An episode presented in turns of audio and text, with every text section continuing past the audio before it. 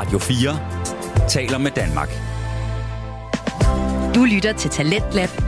Din vært er Kasper Svendt. Vi er tilbage i anden time af aftenens udsendelse af Talents Lab her på Radio 4. Det er programmet, hvor vi hver aften kan præsentere dig for nogle af de bedste fritidspodcasts i Danmark. Vi har allerede været forbi Jakob Takkelsen og Preben Pedersens gamle mænd i nye spil, og øh, vi skal senere have et afsnit af Anne-Sophie Sangenberg og Josefa Nielsens serie Mellem Veninder, men først så skal vi lige tilbage til øh, Maria Kudals episode af Frygteligt Fascinerende, hvor luften desværre er ved at blive lidt tynd på toppen af Mount Everest. Det er en lang og hård tur derop. Ildflasker er tunge, og forbruget er højt. Alle klatrere sover med ild i den højde, så det kræver flere klatreture for et helt hold af sherpaer og fragte nok ild op til lejren. Hvis en ekspedition vender om og skal prøve igen, så starter arbejdet med at fragte ild op forfra. Adventure Consultants ekspeditionens sherpaer har slæbt 160 kilo kunstig ild til lejren, og selvom det kan lyde af meget, så betyder det, at der kun er kunstig ilt nok til et enkelt topforsøg for tre guider, otte klienter og fire sherpaer. Alle er derfor ret lettet, da vinden mirakuløst aftager i løbet af aftenen, og klokken halv to påbegynder Adventure Consultants ekspeditionen deres topforsøg, og deltagerne af Mountain Madness følger efter en halv time senere. På vejen mod toppen vender et par klienter tidligt om, fordi de ikke føler sig fysisk klar til klatreturen – men med perfekt vejr, så har de fleste af de 32 klatrere, der bevæger sig mod toppen den 10. maj, store forhåbninger. Over lejr 4 på sydsadlen, i det, der populært kaldes dødszonen, er overlevelse en kamp mod tiden. Ved afgangen fra lejr 4 bærer hver klient på to 3 kilos iltflasker og kan fra et depot på sydtoppen, som sjærpærerne har etableret, samle endnu en iltflaske op. Det betyder, at de har ilt til omkring 5-6 timer med et moderat iltforbrug. Klatrerne kommer derfor til at løbe tør for ilt mellem kl. 4 og kl. 5 om eftermiddagen. Afhængigt af akklimatisering og form, kan klatrere godt fungere over sydsadlen uden ilt, men ikke godt og ikke længe. Løber en klatretør for ilt, bliver de øjeblikkeligt mere sårbare over for højdesygdomme som hjerne- og lungeødem, nedsat dømmekraft, hypotermi og forfrysninger. Risikoen for at dø mange dobles. Og det er netop den ekstremt øgede risiko for at dø, når klatrere bevæger sig op over 8.000 meters højde, der danner grundlag for navngivningen af en af Everests mest savnomspundne strækninger, Rainbow Valley. Strækningen har fået navnet, fordi et stort antal døde bjergbestigere ligger efterladt der. Fastfrosset i tiden i deres farvestrålende røde, grønne, gule og blå tøj. Rundt omkring dem ligger iltflasker og teltrester og spraglede buddhistiske bedeflag. Det ligner virkelig et regnbuelandskab og står på mange måder som et makabert vidnesbyrd om menneskelig overmod. Selvom mange af dem har ligget der i årvis, måske i årtier, så ser de stadig muskuløse og kraftige ud, fordi det kolde vejr bevarer deres kroppe. Man kan ikke bjerge dem, det er simpelthen for hårdt og dermed for farligt at give sig til at buksere rundt med lige i den højde. Så de ligger bare der. Enormt mange af dem, fordi de akkumuleres over tid. Døde der, fordi klatring i den højde bare er helt vildt farligt. Guider, der leder ekspeditioner, er ekstremt bevidste om vigtigheden af at komme hurtigt op og hurtigt ned igen. Men der opstår et ret problematisk krydspres for ledere af kommersielle ekspeditioner. På den ene side så ved de, at minutter med ilt er den vigtigste ressource på bjerget, og at klatrere for alt i verden skal undgå at løbe tør for ilt i dødszonen. Men samtidig er de forpligtet af at forsøge at holde sammen på deres ekspedition, så de har opsyn med alle deres betalende klienter. Derfor beslutter guider ofte på forhånd en maksafstand mellem deres klienter og giver besked til de forreste om at vente på de sidste. Netop den slags situationer, hvor klienter bruger kostbar tid og ilt på at vente på deres medklatrere, er en central grund til, at der opstår kritiske flaskehalse på bjerget. De erfarne guider i både Adventure Consultants og Mountain Madness ekspeditionerne kender så godt som nogen vigtigheden af at komme hurtigt op. De har derfor forberedt topforsøget ved at sende sherpaer i forvejen og placere fiksreb, der kan hjælpe langsomme og uerfarne klatrere med at nå toppen så hurtigt som muligt. Selv med den foranstaltning, så opstår der en flaskehals i 8.500 meters højde, hvor klatrerne skal hen over en række massive klippeafsatser, og hvor der endnu ikke er festet fiksreb for sæsonen. Utålmodige klatrere må vente, mens guider og sherpaer sikrer ruten. Trafikproppen tiltager til sent op ad morgenen. Flere klatrere fortæller, hvordan det endelige vend om tidspunkt ikke var blevet fastsat, men det skal ligge et sted mellem klokken 1 og klokken 2, og de begynder at blive urolige for deres mulighed for at nå toppen. Tre af de bagerste klatrere indser klokken 11, at de er for langt fra toppen til at kunne nå sikkert op og ned igen, og de vender derfor om og påbegynder deres nedstigning. Men som du nok allerede har fornemmet, så har bjergbestigning det med at tiltrække typer, der meget nødigt bøjer af for deres mål – og derfor kan det i mange tilfælde være svært at overbevise dem om, at de skal vende om, hvis de selv oplever, at de kan nå toppen. For uheldigvis forholder det sig også sådan, at typer, der på den måde er ekstremt målrettet, også er mere tilbøjelige til at ignorere tegn på alvorlige og overhængende fare. Sådan er det bare. Jo mere fokuseret du er på dit mål, jo mere er du tilbøjelig til tunnelsyn. Det, kombineret med den effekt, som den tynde luft i dødszonen har på menneskers bevidsthed, kan være en fatal cocktail. Man risikerer at begå dødsensfarlige fejl. Nogle oplever hallucinationer og mister virkelighedsfornemmelsen. Mange helt fornuftige mennesker som dig og mig, eller altså de er selvfølgelig meget modigere og stærkere end dig og mig, men de har set spøgelser eller fornemmet ting og personer, der ikke var der under deres tur på Everest. Klatrere, der når op over 8.000 meters højde, har udholdt ugers pinsler, hård klatring, overnatninger i telte og måltider af frysetørret mad og betalt omkring 70.000 dollars for den ene mulighed for at nå toppen. De er formentlig heller ikke typerne, der er vant til at tabe, og endnu mindre vant til at give op, og det må derfor kræve en helt uendelig stor portion viljestyrke at vende om den dag, med gode vejrforhold og toppen inden for rækkevidde. Stillet over for den hårde beslutning, så er de tre klatrere, der vender om, blandt dem, der vælger rigtigt den dag. Efter forsinkelser på vej op når John Krakauer og Andy Harris fra Adventure Consultants ekspeditionen, samt Anatoly Bukrev, Neil Beetleman, Martin Harris og Pete Schöning fra Mountain Madness ekspeditionen toppen inden det fastsatte vende om tidspunkt kl. 14 om eftermiddagen. Hvis ekspeditionslederne havde rettet sig efter deres egen gyldne regel, så skulle alle andre ekspeditionsdeltagere have vendt om, før de nåede toppen. I stedet fortsætter flere klienter mod toppen, hvilket fører til endnu en flaskehals på Hillary Step, eller Norgay Step, hvis vi nu skal afkolonisere Everest lidt – de mange klatrere på vej op betyder, at dem, der har været på toppen, ikke kan påbegynde deres nedstigning, og værdifuld ilt og tid bliver spildt. Klokken 14.30, efter at have tilbragt mere end halvanden time på toppen, starter Bukrev endelig sin nedstigning som den første. De klatrere, der har nået toppen, følger efter. Flere sherpaer bliver tilbage for at hjælpe de resterende klienter til toppen. Klokken 15 vender også sherpaerne om, og på vej ned møder de Doc Hansen ved Hillary Step. Sherpaen Angdøje forsøger at få ham til at vende om og stige ned – men Doc ryster på hovedet og peger mod toppen.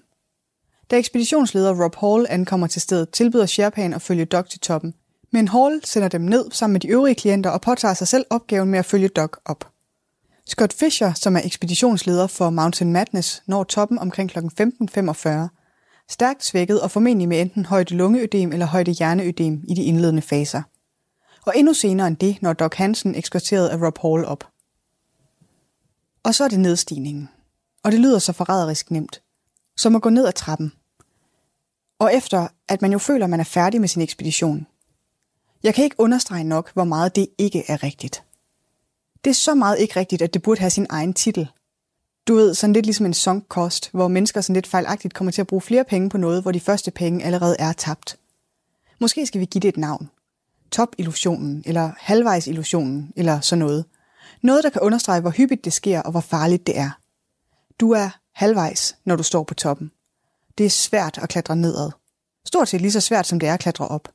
Det skal du tage højde for, hvis du vil klatre derop, hvor det virkelig er farligt at være, og hvor der ikke rigtig kan komme nogen og redde dig, hvis det går galt.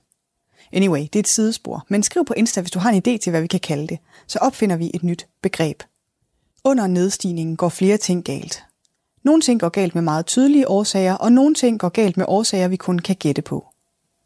På turen ned fra toppen konstaterer Andy Harris fejlagtigt, at iltflaskerne i depotet på sydtoppen alle sammen er tomme, og flere klatrere begiver sig derfor ned ad bjerget uden kunstig ilt. Fejlen er formentlig begået, fordi Andys regulator er frosset til, og den derfor har vist tom i stedet for fuld, da han tjekker flaskernes beholdning. Det sker åbenbart jævnligt på Everest, at udstyr fryser til, og at det derfor ikke virker optimalt. Det ved Andy Harris, for han er en erfaren guide, så det er lidt et mysterium, hvorfor han ikke dobbelttjekker iltflaskerne med en anden regulator – men det gør han altså ikke. Så folk klatrer ned uden ilt. Flere klatrere møder under deres nedstigning Beck Weathers, som en af de klatrere, der vendte om allerede kl. 11 om formiddagen. Beck er ikke kommet ret langt. Særligt ikke, når man tænker på, hvor tidligt han vender om. Han har nemlig oplevet en usædvanlig bivirkning ved en hornhindeoperation, som han har fået foretaget året før. Beck er blevet blind, formentlig som et resultat af at opholde sig højt op med de tryk- og atmosfæreforhold, der er her. Han har derfor fået besked på at vente på Rob Hall, der vil hjælpe ham sikkert ned fra balkongen i 8.500 meters højde. Men Rob kommer aldrig tilbage og dør senere et sted højere op på bjerget. Så omkring kl. 17, seks timer efter han har opgivet sit topforsøg og er vendt om, og mens det trækker op til storm, påbegynder Beck endelig sin nedstigning efter i timevis at have ventet på bjerget. Guiden Mike Groom bukserer den blinde Rob ned ad bjerget, mens han, hjulpet af Beetleman, forsøger at guide en gruppe bestående af Namda, Schöning, Gammelgård, Pittman, Fox og Massen og de to sherpaer, Tashi Tashering og Nawang Dorje, sikkert ned. Guiden bevæger sig langsomt, men relativt sikkert ned til en højde omkring 60 meter over lejr 4, da ondt bliver værre og vejret slår om fra storm til orkan. For at undgå at udsætte de svækkede klatrere for en krævende tur ned over en iskrant, så beslutter guiden sig for at tage en omvej ned til sydsadlen, som de når omkring klokken halv otte om aftenen. På det her tidspunkt er vinden så kraftig og sneen så tæt, at sigtbarheden er nærmest nul. Flere klatrere fortæller, at de på nogle tidspunkter ikke engang kan se deres egne fødder. Guiderne Beetleman og Groom ved, at de befinder sig på den østlige del af sydsadlen, og de skal bevæge sig mod vest for at finde vej tilbage til lejren. Men med vind, der kommer direkte fra vest, kræver det, at klatrerne går op mod vinden. Iskorn pisker dem i ansigterne, og klatrerne kommer helt uforvarende til at bøje af for vinden, og går derfor skråt og far vild i stormen. Og det er lidt svært at forestille sig det her. For de er virkelig ikke ret langt fra lejren, men de kan simpelthen ikke se noget som helst, og vejrforholdene er så ekstreme. Kombineret med, at de er helt udmattede efter deres bestigning.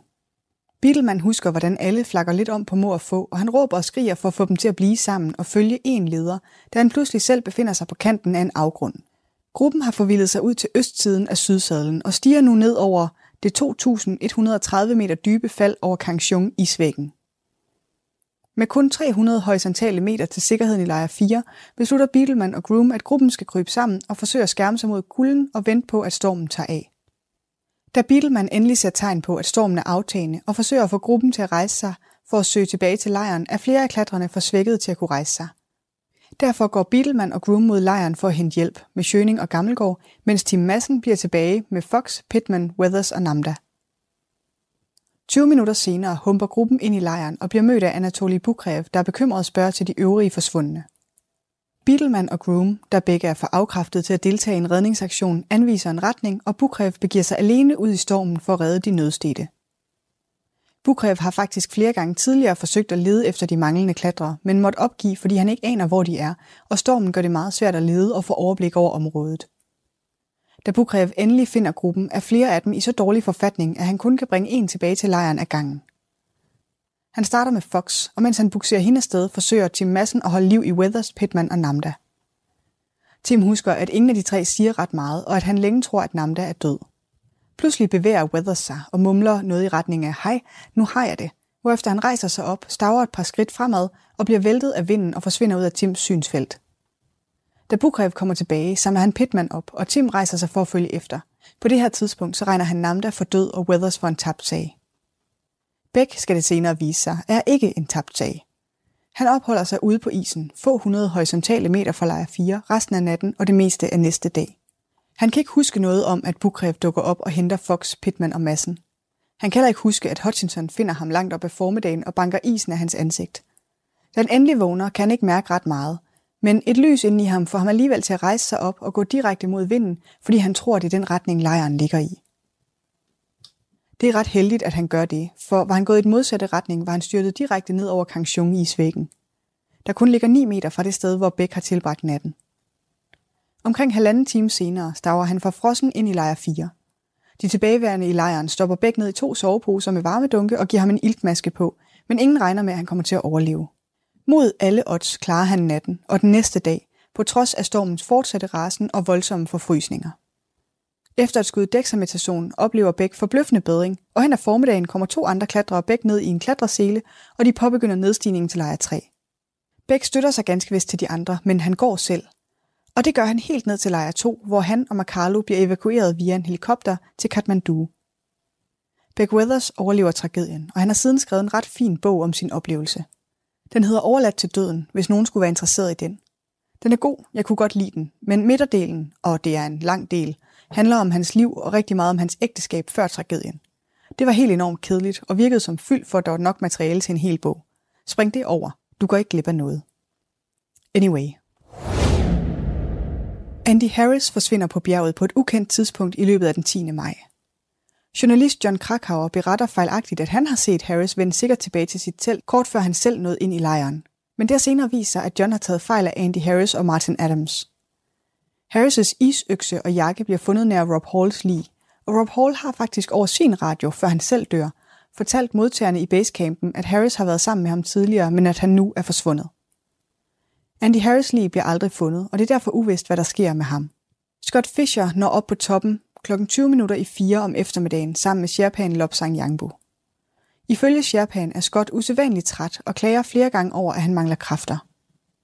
Da de bevæger sig ned fra toppen omkring 20 minutter senere, står det hurtigt klart, at Fischer er i problemer. Sherpan Lopsang fortæller, at Scott er usammenhængende og irrationel og ved flere lejligheder ikke fysisk i stand til at foretage den krævende nedstigning. I takt med, at stormen trækker op, bliver Scott Fisher mere og mere svækket, og han kan til sidst ikke gå videre, og klokken 8 om aftenen bliver de to indhentet af Makalo Gau og to Sherpaer. Makalo er ligesom Fisher meget svækket, og efter omkring en time sammen, 90 meter under balkongen, overtaler Scott Fisher Sherpaen Lopsang til at gå ned til lejren og sende Bukrev op for at hjælpe dem. Lopsang går modvilligt tilbage til lejren og kollapser i sit telt efter at have fortalt, hvor Scott og Makalo befinder sig. To Sherpaer begiver sig ud i stormen for at redde de nødstedte klatrere og kommer flere timer senere tilbage med Makalo Gau. De siger, at de efterlod Scott så godt som død. Men Bukrev beslutter, efter at han har oplevet Becks mirakuløse tilbagevenden, at gå op og hjælpe Scott. Da han finder ham hen ved klokken 5 om eftermiddagen, er han død. Han har sin iltmaske på, men flasken er tom. Han har i et anfald af højdesyge og forfrysninger taget sin handsker af og lynet sin dunjakke op, og den er trukket ned om skuldrene. Scott Fisher dør om eftermiddagen den 11. maj, 365 højdemeter over lejr 4. I løbet af den sene eftermiddag, da Rob Hall og Doc Hansen endelig som de sidste begiver sig ned fra toppen, står det ret hurtigt klart, at de to klatrere er i problemer. Radiosamtaler mellem Rob og Guy Cotter, en gammel ven af Rob, der tilfældigvis befinder sig i nærheden af Everest den dag, viser, hvordan Rob og Doc forsøger at komme ned fra toppen. Efter et par opkald til basislejren omkring kl. 17 står det klart, at Doc er løbet tør for ilt, og at Rob snart vil gøre det. Guy Cotter forsøger flere gange at få Rob til at gå ned alene og hente mere ilt på sydtoppen, men Rob nægter at forlade sin klient. Klokken 18 befinder Rob og Doc sig stadig oven for Hillary Step uden kunstig ilt. Det næste nogen hører til de to nødstedte klatrere er et fejlopkald fra Rob omkring kl. 03 om natten. Her kan Guy Cotter høre Rob råbe om ikke at gå i stå. Spekulationer omkring det opkald har ført til beregninger af, at hvis Doc og Rob stadig er på vej ned mod sydtoppen, ville de på det her tidspunkt have brugt mere end 10 timer på en nedstigning, der normalt tager klatrere omkring en halv time. Da Rob endelig kalder over radioen igen klokken kvart i fem om morgenen, er han foruroligende usammenhængende og fortæller, at han er for klodset til at gå. Forvirret og omtumlet fortæller han, at han var sammen med Andy Harris tidligere, men ikke lader til at være det længere. Doc nævner han slet ikke. Senere i transmissionen spørger han, om de ved, om Andy Harris har været på topkampen sammen med ham. Flere tidligere klatrere på Everest fortæller om, hvordan hjernen i højden let kommer til at blande tanker og begivenheder sammen. En tidligere Everest-bestiger fortæller om, hvordan han ville fortælle en kvindelig medklatrer noget om hendes udstyr, da han pludselig bliver i tvivl, om han lige har sagt det til hende og nu tænker tilbage på det. Forvirring og desorientering er helt almindelige, men dødsensfarlige bivirkninger ved at befinde sig for længe i højden og kulden. Omkring en halv time senere, efter flere forgæves forsøg på at få Rob til at bevæge sig ned ad bjerget, spørger en guide fra basislejren, hvad der er sket med Doc, og Rob svarer formelt, at han er borte. Docs isøkse bliver fundet omkring 15 højdemeter over sydtoppen, og det kan ikke udelukkes, at det lykkes enten Hall eller Harris at hjælpe Doc ned ad ræbene til det sted, blot for så at se ham miste fodfæstet og falde 2100 meter ned over sydvestvæggen. Hvad der skete med Harris er også et stort mysterie. Hans isøkseudstyr bliver fundet på sydtoppen, og man er derfor rimelig sikker på, at han befinder sig på sydtoppen med Hall den 10. maj. Men derudover ved vi intet om, hvordan den unge guide mister livet, og hans liv bliver aldrig fundet. Om eftermiddagen den 11. maj gør to Sherpaer et forsøg på at komme Rob til undsætning på sydtoppen. Men de hårde vejrforhold og Sherpaernes fysiske tilstand af udmattelse fra dagen før betyder, at de må afblæse forsøget 200 meter under sydtoppen. Utallige forsøg på at få Rob til at gå ned fra bjerget bliver gjort fra basecampen og Guy Cutter, men Rob vurderer, at hans forfrysninger er for slemme, og han ikke kan klare det. Rob står nu derfor over for at skulle tilbringe endnu en nat over 8.000 meters højde uden ly. Kl. 18.20 bliver hans kone koblet igennem radioen via en satellittelefon, og hun bliver den sidste til at høre fra ham. Med svag stemme siger han som det sidste, Jeg elsker dig, sov godt min ven. Lov mig ikke at være alt for urolig. Senere forsøg på at komme i radiokontakt med Rob bliver ikke besvaret, og hans liv bliver fundet 12 dage senere af et andet hold af bestigere. I alt dør otte personer på bjerget den 10. og 11. maj 1996. De tre guider Andy Harris, Scott Fisher og Rob Hall, de to klienter Yasuko Namda og Doc Hansen, og tre klatrere fra en ikke-kommersiel indisk ekspedition. Siden 1996 er antallet af ekspeditioner kun gået én vej, og det er op. Flere gange har Nepal forsøgt sig med forskellige tiltag for at regulere adgangen til bjerget, både med begrænsninger i antallet af ekspeditioner og krav om certificering af klatrere, men ingen af dem har hængt ved. I 2019 faldt et exceptionelt højt antal tilladelser sammen med et meget kort vejrvindue, og det medførte en af de dødeligste sæsoner på Everest, med dødsfald, der relateres direkte til trafikprop og forsinkelser nær toppen. Det store spørgsmål, når det kommer til kommercialiseringen af Everest, bliver, når kunder betaler op til 100.000 dollars for deres ekspedition og muligheden for at stå på toppen af Everest. Hvad sker der så, når en medklatrer kollapser, og du selv er 200 meter fra toppen? Hjælper du dem og mister muligheden for selv at nå dig op?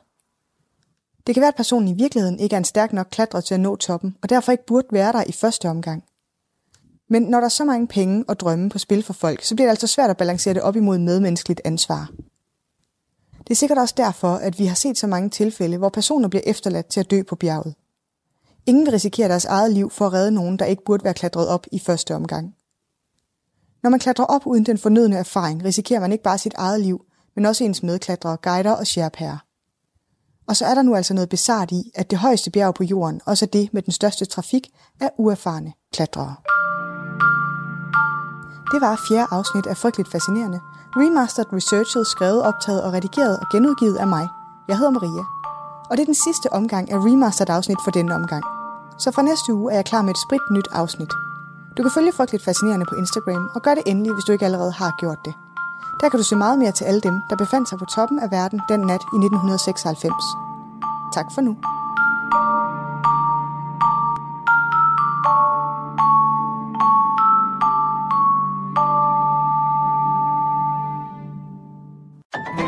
Du lytter til Radio 4.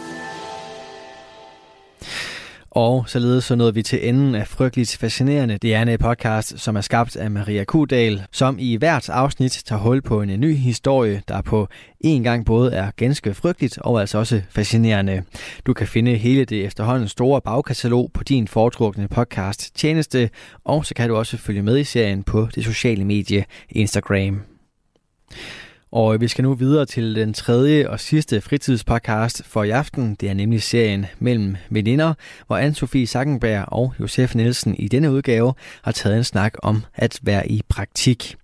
Mellem Veninder, det er en uh, samtale-podcast, hvor de to værter de lukker lytteren ind i deres lille og intime boble, og giver også et indblik i, hvordan det egentlig er at være i 20'erne her i dag. Det er en øh, serie, som ikke er bange for at øh, være ærlig, og hvor venskabet imellem værterne virkelig skinner tydeligt igennem. I den her episode, der skal det handle om at være i praktik, og hvordan det både kan være ret så sjovt, men også tider en smule grænseoverskridende. Du får mellem veninder lige her.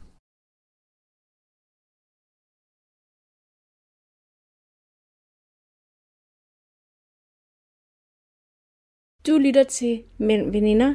En ærlig snak imellem to veninder. Hej Josefa. Hej Anso. Går det okay? Ja, det synes jeg. Jeg har jo haft en lidt hård uge, siden Mhm. den er langt fra færdig. I skrivende stund, skulle jeg sige. Altså, lige I nu, talende stund. Hvor, I talende stund. Lige nu, hvor vi optager, så er det kun onsdag. Mm. Så der er jo, jeg har faktisk kun halvvejs. Men lidt over halvvejs jo. Ja. Fordi onsdagen er Jo. gået. Ja, true. Ja. Kun to dage tilbage. Ja. Og det er jo, du spørger mig jo, fordi jeg er startet i praktik. Det er rigtigt. Og det er jo også det, det skal handle lidt om i dag. For det Mhm. fylder jo rigtig meget for dig. Ja, det gør det. Det er en helt ny livsstil. It's a life choice. It's a lifestyle. Ja. Ah, men lidt jo. Jo. Øhm, men det første, jeg sådan egentlig lige tænke, at alle havde lyst til at vide, det er, er det egentlig første gang, du prøver at være i praktik? Det er ikke første gang, jeg prøver at være praktik, men det er første gang, at jeg prøver at være i en fuldtidspraktik. Okay. Ja. ja. Interessant jo faktisk. Mm-hmm. Ja. Og så tror jeg også godt, vi vil vide, altså sådan, hvad er du i praktik som? Øh, jeg er, altså det hedder praktikant, producer, assistent. Så jeg er på et produktionsselskab. Spændende. Ja. Hvordan øh, fik du den? Hvordan skudte du den? Ja. Øh, jamen faktisk, så øhm, har jeg bare vidst fra starten, da, vi- at, da jeg vidste, at jeg skulle i praktik på kandidaten, at jeg rigtig gerne ville være der på den øh, produktion, eller på det produktionsselskab. Så derfor så var jeg bare sådan, lige så snart jeg følte, at det var tilladt, så sendte jeg faktisk en, øh, en uopfordret ansøgning, inden at de var begyndt at søge, for jeg var sådan, det er det her, jeg helt gerne vil. Og hvis de så ikke svarer mig, eller jeg ikke kommer til samtale, eller jeg ikke får det, så har jeg prøvet det i god tid, og så er der også mulighed for at prøve andre veje. Men så, ja, jeg startede bare og satsede alt, og så, de synes faktisk, det var rigtig fedt, at man så initiativ inden, og selv havde opsøgt dem og sådan nogle ting, så jeg var så heldig at, at få det. Fedt. Ja. Det var også... Øh... Jeg ved ikke sådan noget. Men det er da imponerende. Eller jeg, jeg var i hvert fald meget imponeret over øh, processen. Tak. Og du, du startede så i mandags, så du har været i gang i tre dage. Ja, Hvordan er det? det er faktisk mega hammerfedt. Altså, jeg synes, det er mega spændende. Øh, det er mega spændende opgaver, det er mega spændende mennesker, og virkelig dygtige folk, man omgås. Men det er jo også mega hårdt, det der med, at de første dage, det er jo bare information på information på information.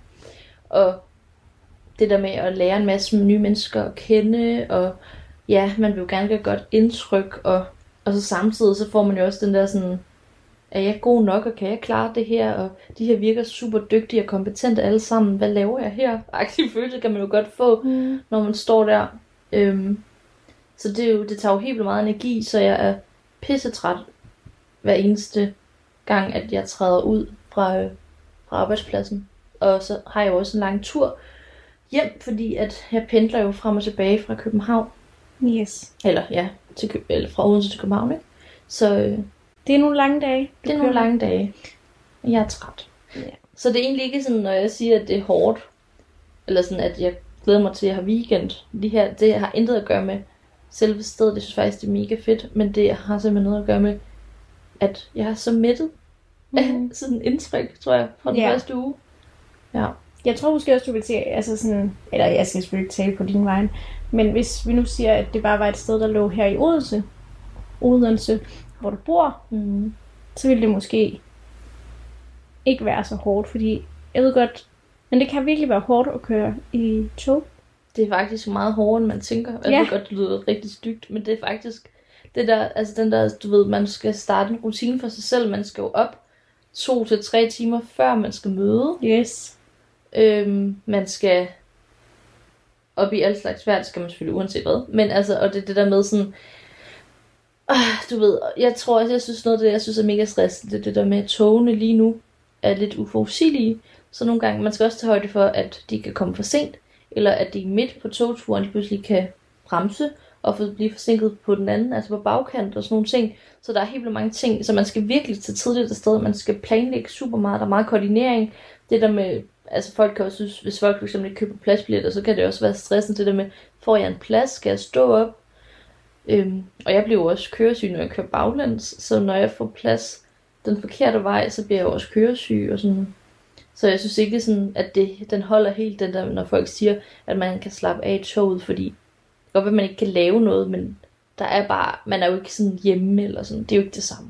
Ej, man slår ikke lige skænkerne op. Altså jeg vil så sige, Nej. der er nogle mennesker, de er rigtig gode til at slappe af i toget. Men det er jo ikke os alle sammen. Ja, ja, Altså, men dem der, der har et helt chilleren forhold, smider skoene, øh, snakker mega højt i telefon og sådan noget. Jeg føler bare, de føler sig hjemme. Men det er, det er noget helt andet. Øhm, jeg tænker på, øhm, jeg kan faktisk godt finde på at tage skoene i nogle gange, hvis der ikke er særlig mange tog. meget mildt i forhold til det andet. Ja. True. ja. Øhm, jeg tænker på, du har jo vist lang tid, du skulle i den her praktik. Ja. Har du været nervøs? Ja. Yeah.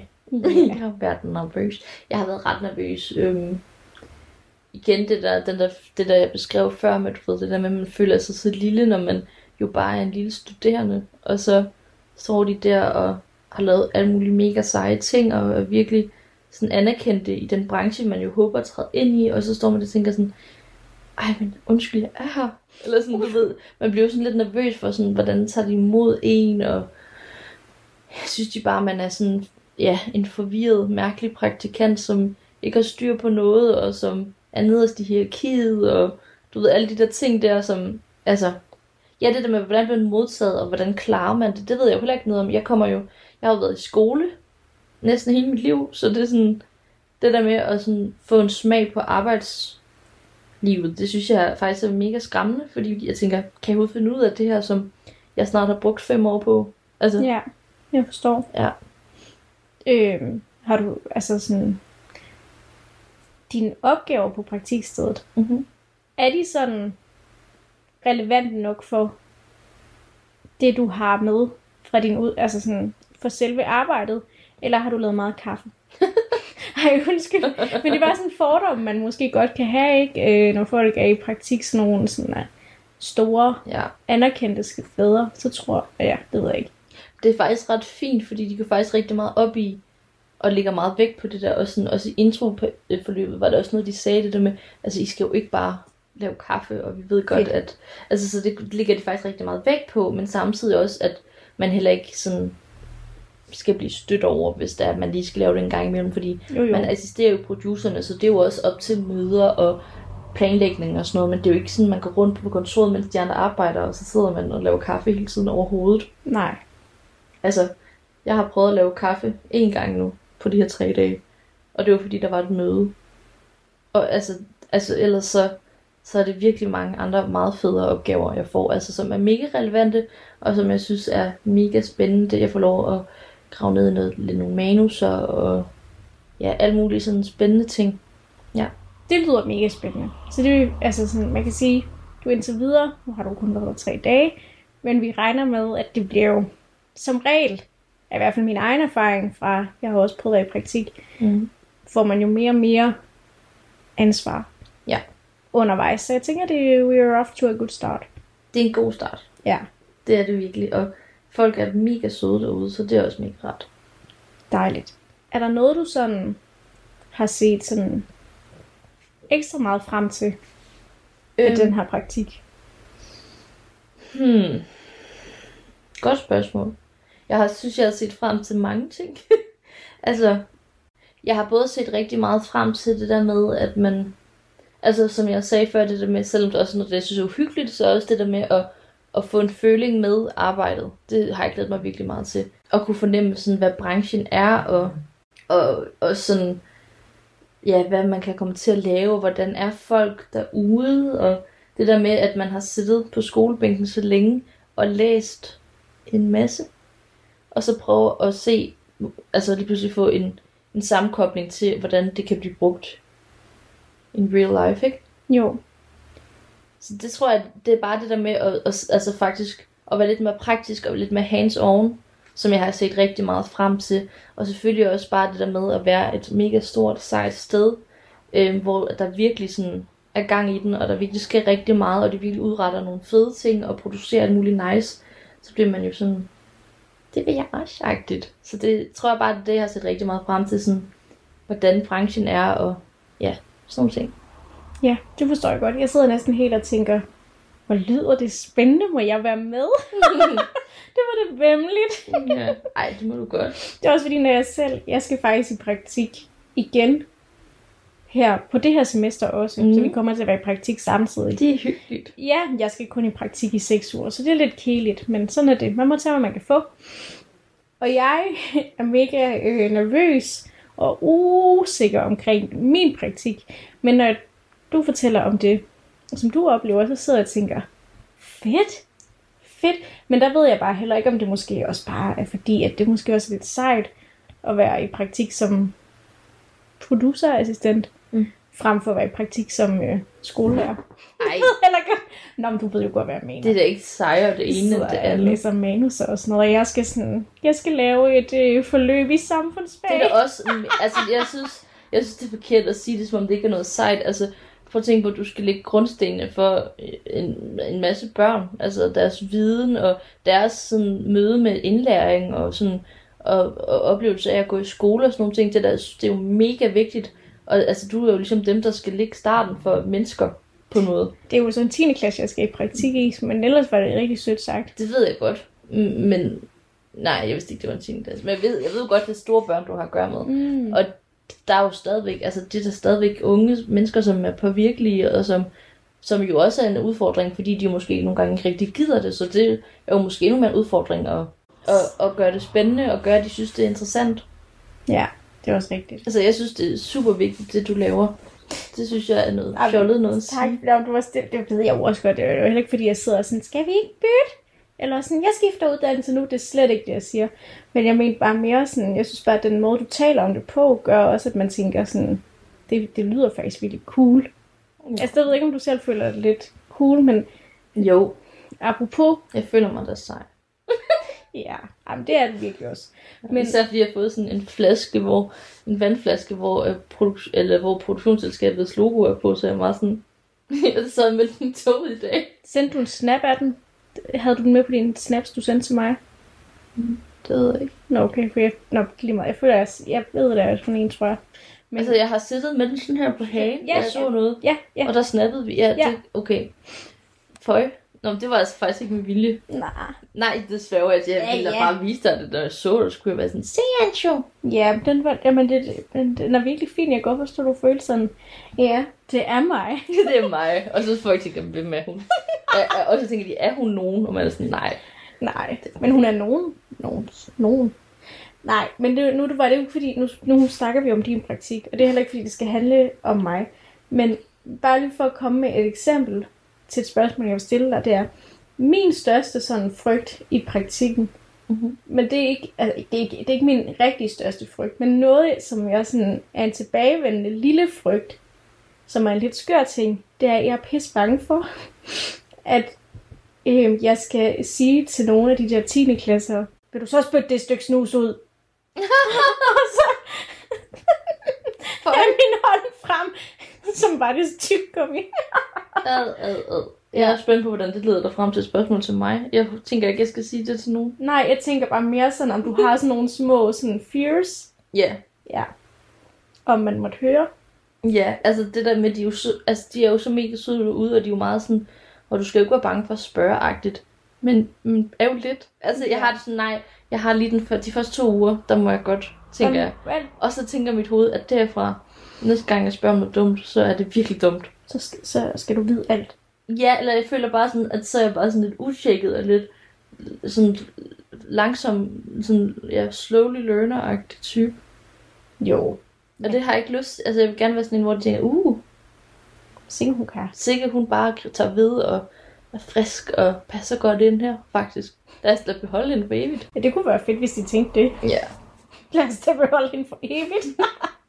ja. det kunne da være okay. Ej, men jeg tror, hvis du, er, hvis du fyrer sådan nogle bemærkninger af, så tænker jeg, at de tænker, at du er frisk i hvert fald. Jamen, er det ikke nødvendigvis en god ting? Tænker. Det kommer nok an på, hvem man er. Ja. Nej, men det, jeg forstår det virkelig godt. Men ja. jeg vil også sige som en øh, voksen person, hvad jeg lige vil sige, men jeg mener som en person, der sådan kan se det i et løftet perspektiv, mm-hmm. så er det også sådan, man kan jo ikke vide alting efter kun to uger. Nej. Altså, og hellere spørge en gang for meget end for lidt, men jeg kender virkelig godt. Og det bliver du også ved med at sige. Og det der med, vi vil hellere have, at du spørger, og der, at det så bliver gjort rigtigt, end at du bare prøver noget. Altså, ikke sådan med alt, vel, men du Ah, nej, nogle gange ah, skal man nej. prøve. Men du ved, hvad jeg mener. Altså, så at man, man skal hellere spørge, som du siger, en gang for meget, end en gang for lidt. Men jeg tror bare, det er sådan mit mindset, der tænker, at jeg har en kvote, som på et tidspunkt bliver opbrugt, Okay. og så skal jeg bare kunne alt. Yes. Ja. Radio 4 taler med Danmark.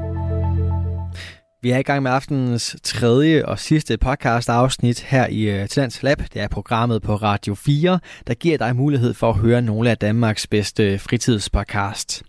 Mit navn er Kasper Svendt, og i denne time der har jeg blandt andet fornøjelsen af at give dig et afsnit fra Mellem Veninder, en samtale-podcast med Anne-Sophie Sackenberg og Josefa Nielsen, der denne gang snakker om det at øh, være i praktik.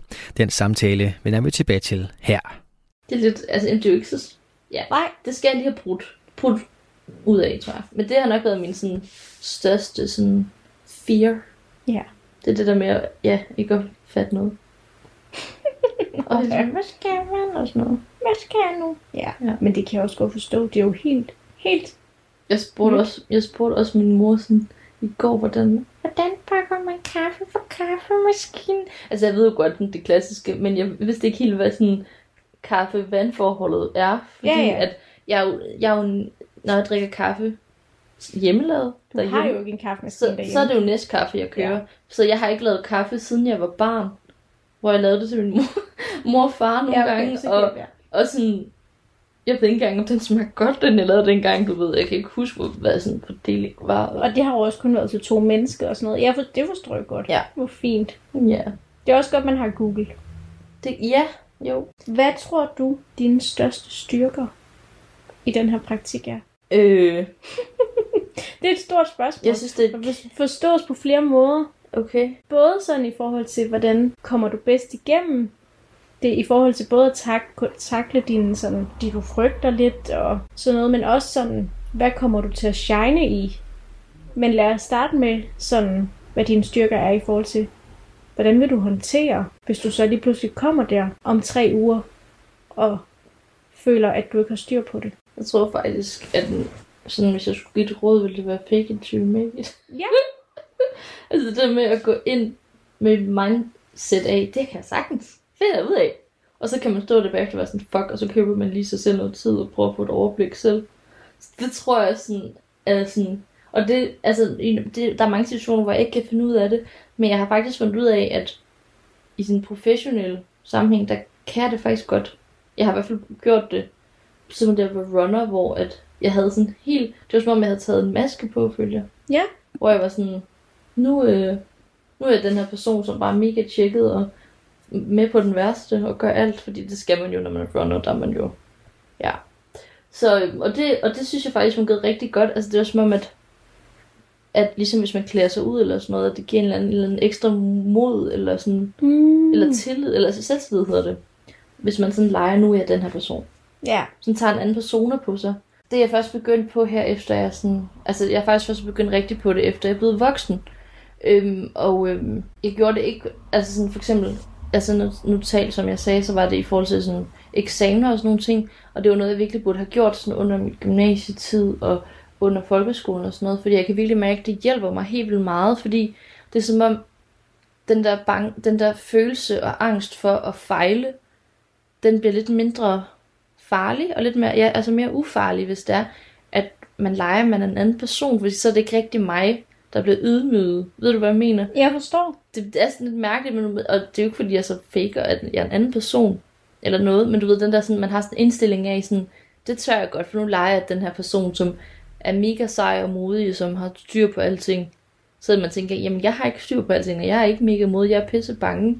Men hvis man så går ind med den der sådan, nej, jeg er der ikke, jeg er da mega cool, og jeg løser alt, agtigt. Så kan man godt nogle gange tage det på sig, fordi at så har man ikke alle de der sådan angste tanker, fordi at det er bare noget, man leger. Ja. Ja. Det forstår jeg. Jeg tror faktisk, jeg har... Jeg synes, det er et mega godt råd. Mm. Men jeg tror faktisk også, at jeg har været sådan... Jeg tror desværre, jeg har mistet evnen til det. Nå, altså, hvornår? Øh, det ved jeg ikke. I løbet af øh, de sidste par år er det som om, at jeg sådan er blevet meget mere usikker på ting, jeg ikke var usikker på. Musse. Ja, nå, men... Øh, ja, det var da noget helt... Men det, det er et godt fif. Det er virkelig et fif. Ja, tager det der til mig igen. Ja, det kan være, at, at du ikke har tænkt så meget over det, og har lagt det i skuffen. Ja, og sådan, at hvis du sådan begynder at tage det frem igen, så kan det godt være, at du godt kan ligesom skabe det igen. Ligesom da jeg havde fransk, der er sådan, der frenchede jeg det også bare op. Det Ja, var ja. et udtryk, vi brugte. Friendship Jeg var pisse dårlig til det. Øh, men øh, Det er så Joey's udtryk, føler jeg. Men ja. der, det kan han jo ikke finde ud af. Nej, men han siger det da. Siger han French it up? Friendship up. No. Der, hvor han prøver at lege fransk, og så... Eller prøver at tale fransk. Okay, han, jeg, jeg er bedre til det end Joey, ja. Du er da god til fransk. Du er i hvert fald meget bedre end mig. Jo, men det var... Jeg havde fransk, du havde ikke fransk. Det kan jo ikke, altså... Det håber jeg da også, så du havde spansk, ikke? Nej, det var et totalt sidespor. Men øhm, det er altid en god idé Ja. at øh, fake it till you make it. Ja. Men nu er du jo sådan... Du er den, der har været sidst i et praktikforløb. Ja, Så jeg var egentlig sådan lidt spændt på at høre, sådan, hvordan mærker du? Fordi nu er jeg jo helt i den spæde start af det. Og da jeg var der, der var det, altså da jeg var i praktik sidste gang, der var det på deltid, eller det ved jeg ikke engang, man kalder det, det er sådan 15 timer om ugen eller sådan noget. Så derfor så, så føltes det lidt mere ligesom et studiejob, hvis det giver mening.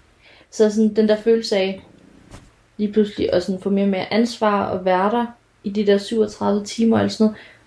husker jeg rigtigt, undskyld jeg lige hurtigt afbryder, var det ikke også noget med, at der faktisk også var sådan lidt corona stemning, da du var i praktik? Der var fuldkommen coronastemning. Så du også skulle sådan i praktik hjemmefra. Ja, jeg var sådan... Det tænker altså, jeg også er med til at gøre oplevelsen sådan lidt mere... Ja. ja Jeg Så- mødtes med, med dem en gang i ugen, øhm, og ellers arbejdede jeg hjemmefra, og Ja. vi havde meget sådan jeg arbejdede meget sådan over mail og sådan ting, når vi skulle snakke om ting sådan de andre dage. Så ja, ja det, selvfølgelig var det noget helt andet.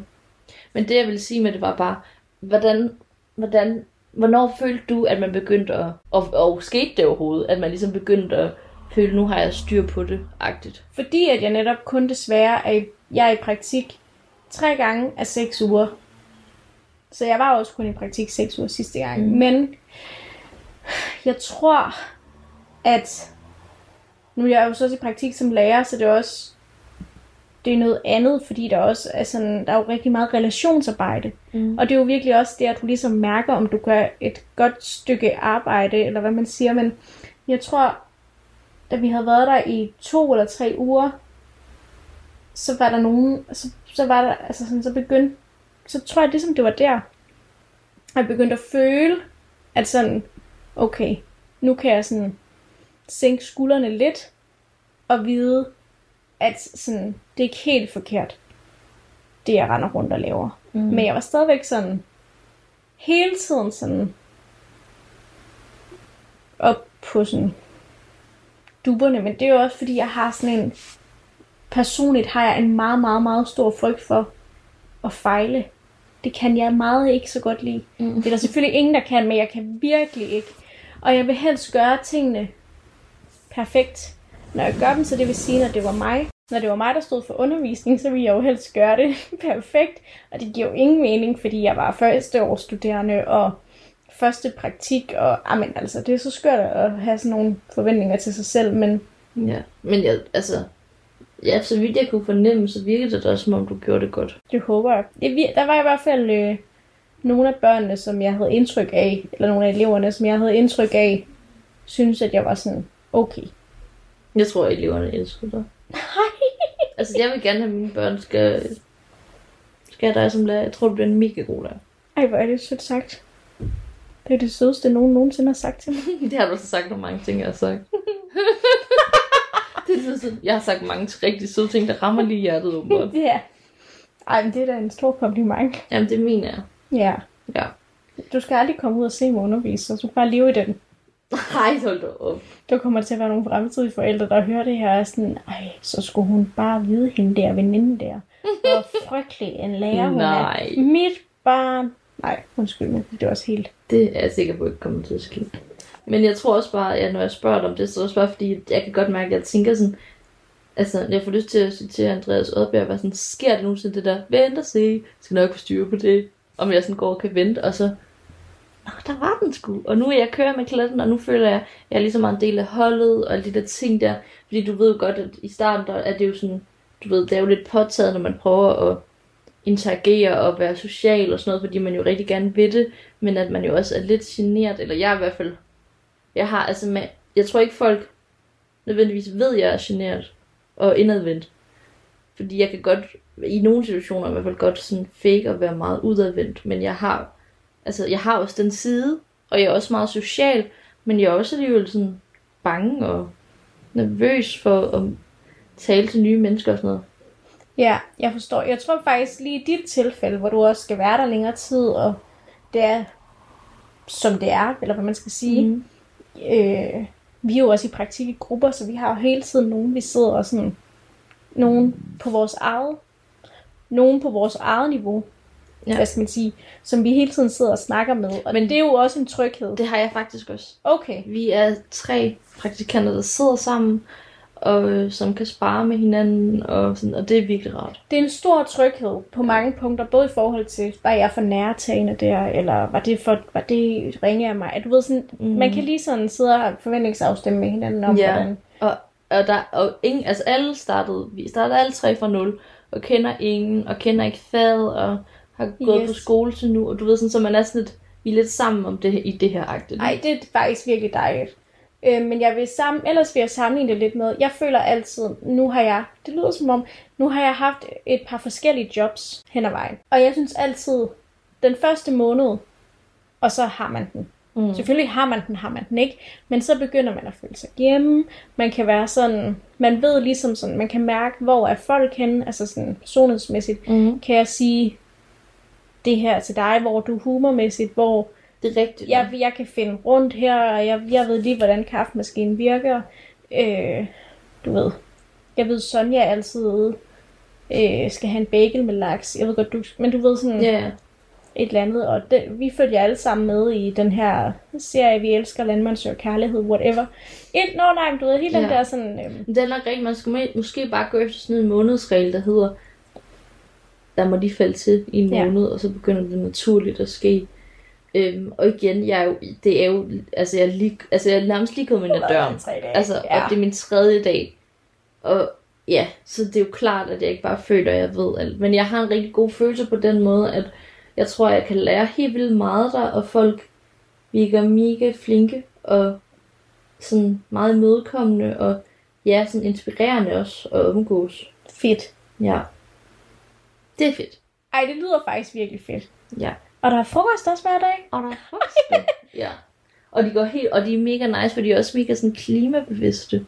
Så de, altså de er sådan, så hvis for eksempel så er de sådan begyndt at, ja, der er sådan, der, de, det er som ikke, det skal blive flere dage, men lige nu skal, starter de med to gange i ugen, er det vegetarisk.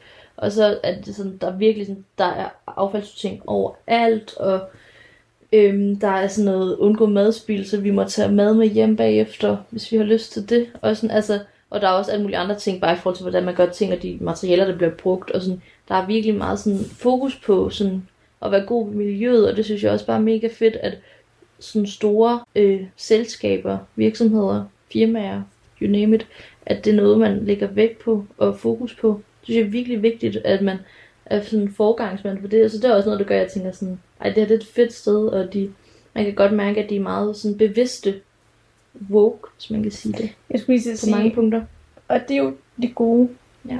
ved at arbejde inden for kunst, fordi man ved bare, at kunstneriske typer er klogere og mere woke. Er det for stort, er det for stærkt et statement? Det ved jeg ikke. Altså, det er de i hvert fald, men jeg ved ikke om... Jeg Ej, man, vil kan, jeg vil sige... ikke sige, man jo ikke skære alle over en kamp og sådan nogle ting, men jeg føler altid sådan, du ved, de steder, hvor folk er kreative, de, de ved sgu godt, hvad det handler om. Og det vil se helt tilbage, sådan helt historisk tilbage, øh, blik på. Troubadourerne, eller? Ja. Det er jo ikke for sjov, vi stadigvæk læser H.C. Andersen, vel? Han har ikke regnet den ud. No. ja. ja. Jeg troede, det var troubadourerne, fordi de altid sang om, hvad der foregik. Nå. Nej, jeg troede ikke. jeg tænker på Danny Robin Hood. Altså, var- den der hane. ja. Robin Hood and little girl. Ja. Åh, her. Nej, nu ryger vi også ud. Jeg tror også, at, øh, at tiden er ved at løbe fra os. Åh, oh, okay. Det var så hyggeligt at have dig her i mit studie. Tak. I min sofa? Ja. Ej, men det var, ja, det var mega fedt at dele min, min angst og spændthed. Ja. Øh, men jeg synes også på et tidspunkt, vi skulle prøve at snakke lidt mere om øh, det, du laver. Ja. Kunne du være fresh på det? Jo, men det er jo ikke lige så spændende, altså. Ej, hold op. det er det. Ja, ja. Det er både mega spændende, og jeg, også et mega vigtigt fag. Og det er også noget, som jeg tænker, mange synes er spændende og gerne vil lave. Ja, Så jeg synes, det kunne være mega fedt, hvis vi talte lidt om det. det, men jeg er åben for at snakke om det i hvert fald. Tak. Tak, tak, tak. Og nu skal du ind og putte sove. Nu skal jeg ind og så. Ja, det er faktisk lige ved. Hvad er klokken? Jeg ved det ikke. Nej, men ja. Jeg kom hjem klokken 6. Ja. Nej, det gør jeg ikke. Jeg Nej. kom hjem klokken kvart i syv. Ja. ja. Og stod op klokken halv seks i morges. Og man tænker, det er normalt for mig, slap af. Men det er virkelig meget, når man får helt meget information, og man tager en tog, togtur på over tre timer, og det er bare info, info, info, info, nye, nye indtryk. Jeg er træt. Ja, det, der er altså ikke noget at sige til. Nej. Det er hårdt. Men øhm, Men øhm, ja, vi, vi lyttes jo nok ved alligevel. lad os da håbe det. Du lytter til Talentlab på Radio 4. Det var altså det sidste fra Mellem Veninder, som er en uh, samtale-podcast, hvor de to værter, Anne-Sophie Sackenberg og Josef Nielsen, i denne omgang har taget en snak om det at uh, være i praktik. Mellem Veninder udkommer en gang hver anden uge, og du kan også lytte til både nye og gamle afsnit, der hvor du finder dine podcast inde på de forskellige podcast-tjenester. Der ligger også aftenens andre to fritidspodcasts klar til dig. Det handlede først om øh, gamle mænd i nye spil med Jakob Terkelsen og Preben Pedersen, og også frygteligt fascinerende, som har verden Maria Kudal. Tidligere Talents Lab udsendelser er Tidligere Talents Lab udsendelser er tilgængelige på radio4.dk og i vores Radio 4 app. Og på hjemmesiden, der kan du også sende din egen fritidspodcast ind til programmet her, hvis du ønsker at dele den med endnu flere, samt deltage i vores podcast udviklingsforløb. Mit navn er Kasper Svens, og det var alt det, jeg havde på menuen for denne omgang. Nu er det tid til nattevagten her på kanalen, så god fornøjelse og forhåbentlig også på genlyt. Du har lyttet til en podcast fra Radio 4. Find flere episoder i vores app, eller der, hvor du lytter til podcast.